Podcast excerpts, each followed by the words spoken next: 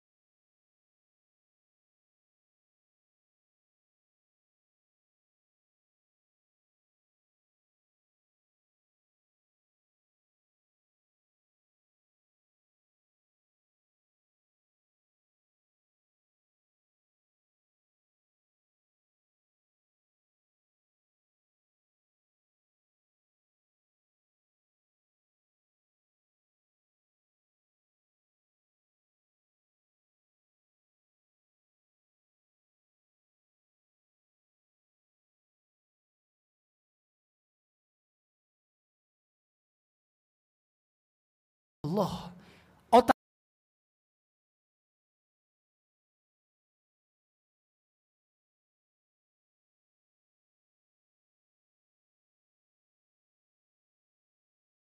tidak ada satupun konsep kepemilikan dalam Islam. Maka kita harus meyakini bahwa seluruh yang Allah berikan kepada kita hakikatnya adalah titipan, bukan kepemilikan. Tidak ada konsep ownership dalam Islam. Kita tidak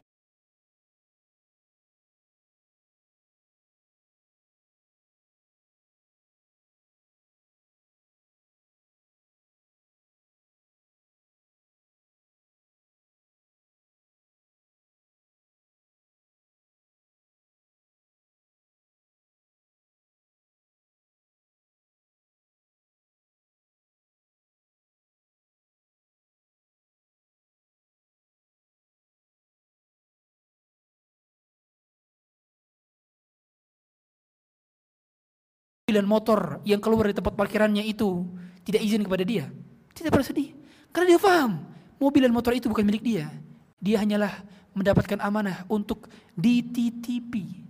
Sebagaimana kita harus paham bahwa yang kita miliki, yang kita pernah sentuh, yang kita pernah kita rasakan, semuanya adalah titipan yang Allah berikan, bukan kita memilikinya. Kalau kita sudah paham demikian, maka kita tidak akan kecewa ketika ada benda yang hilang kita tidak akan lagi kecewa dan tidak akan sedih berlarut-larut ketika ternyata orang yang kita sayangi, orang yang kita cintai, belahan jiwa, orang yang kita sayangi dan kita cintai, yang kita Allah mengambilnya, maka kita tidak terlalu sedih berlebihan. Cukup sedih, ya sedih. Sebagaimana Rasulullah ketika kehilangan anaknya Ibrahim, apa kata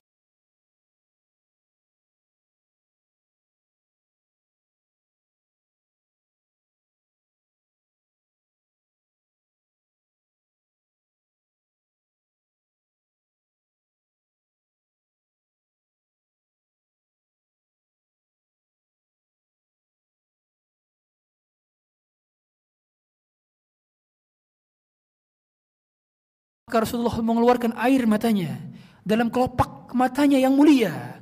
Dan Rasulullah tidaklah sedih, tidaklah menangis kecuali dalam keadaan tidak mengeluarkan suara.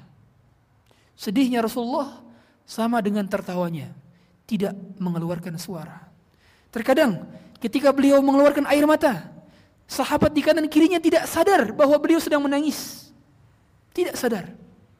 Ini tandanya bahwa beliau begitu menjaga. Jangan sampai ketika kita bersedih, kita mengingkari takdir. Kita mengingkari bahwa itu yang berkehendak adalah Allah. Seandainya orang tua kita meninggal dunia, Allah yang mencabutnya. Seandainya anak kita berpisah dari kita, maka Allah yang menyebutnya. Seandainya istri kita berpisah dari kita, maka Allah yang ingin mengambilnya. Karena kita hanya menitipi saja. Tidak ada pun satu di antara kita yang memiliki mereka. Maka kapan pun Allah ingin mengambil mereka, maka kita terima. Dan hakikatnya, kita harus paham bahwa pertemuan di dunia hanyalah pertemuan sementara. Pertemuan abadi hanyalah di akhirat kelak. Maka katakanlah kepada orang yang pertama yang sering kali kita jumpai, jumpai pagi, siang, petang, malam, katakan, aku ingin berjumpa lagi dengan engkau nanti di surga. Maka mari kita bangun ketaatan bersama-sama. Engkau menolongku dalam ketaatan dan aku menolongmu dalam ketaatan. Kau ingatkanku ketika aku salah dan aku mengingatkanmu ketika kamu salah. Beginilah konsep dalam surat Al-Asr. Wa bil tawassaw bis sabr. Allah mengingatkan kita saling mengingatkan satu dengan yang lainnya. Maka sangat salah sekali kalau orang hobi menasehati tapi tidak senang dinasehati. Salah saya kalau saya menasehati tapi saya tidak suka ketika dinasehati. Maka kalau saya memiliki kesalahan, ingatlah kanlah saya. Karena itu bagian daripada proyeksi bahwa kita ingin berjumpa untuk kedua kalinya di surga. Percuma berjumpa pagi, petang, siang, malam. Berkenalan satu dengan yang lainnya. Anda bertemu saya, saya bertemu Anda. Saya berkenalan dengan Anda pada saat ini. Kalau ternyata kita tidak berjumpa lagi di surga Allah. Percuma. Apa yang diharapkan dari pertemuan ini?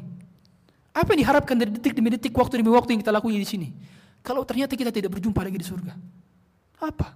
Apa manfaatnya, apa faedahnya? Apa faedahnya berteman bertahun-tahun? Kalau ternyata dia tidak mampu menjadikan kawan nanti di akhirat yang saling tolong menolong dalam kebaikan, apa manfaatnya? Apa manfaatnya kalau punya tetangga yang setiap hari kita berkenalan dengannya, bersapa dengannya, berjumpa dengannya. Kalau ternyata tidak berjumpa lagi di surga, apa manfaatnya? Tidak ada manfaatnya. Karena kehidupan di dunia hanya berkisar 60 sampai 70 tahun saja. Kata Rasulullah, "Amar ummati baina 60 wa 70." Wa qalilu ma jawada dhalik. Umur umatku hanya 60 sampai 70 dan sedikit yang melewati itu semua. Maka tujuan akhir kita dan tujuan utama kita haruslah surga. Hadirin sekalian, surga itu bukan dongeng. Surga adalah sebuah kebenaran dan sudah Allah siapkan sekarang. Sudah ada surga sekarang. Kata Allah, "Iddat lil muttaqin." Allah sudah menyiapkan surga. Dan Allah juga sudah menyiapkan neraka.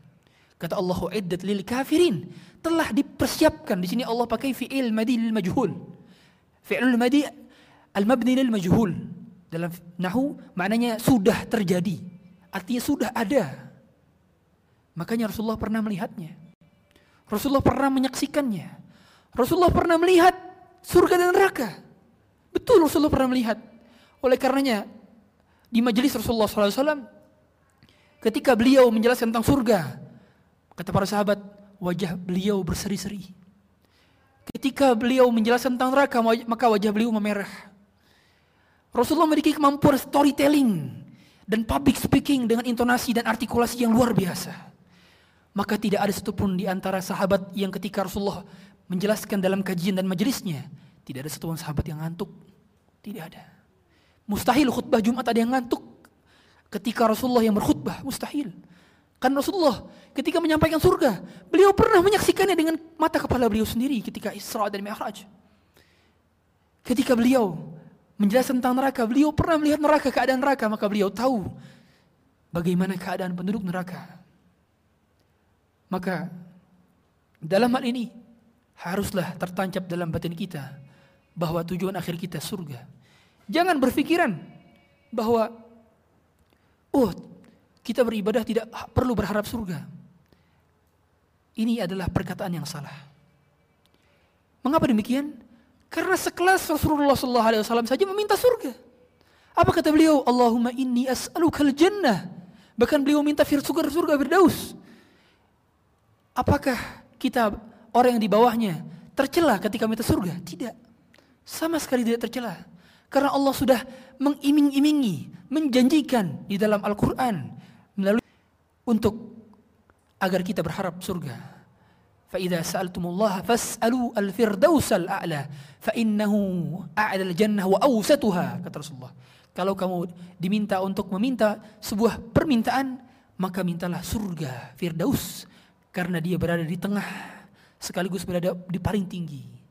Jadi paling tengah surga dan paling tinggi adalah surga Firdaus.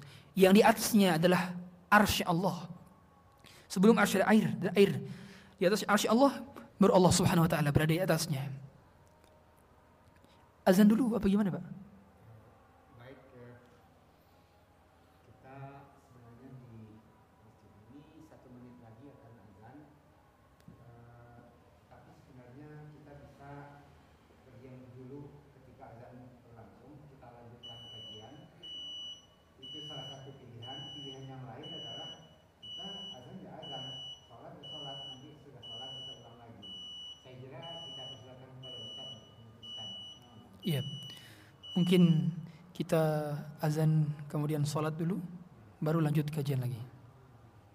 Saya izin minum dulu. Silakan azan. Kalau begitu kita break sebentar, kita eh, nanti akan buka lagi sudah sholat isya, insya Allah.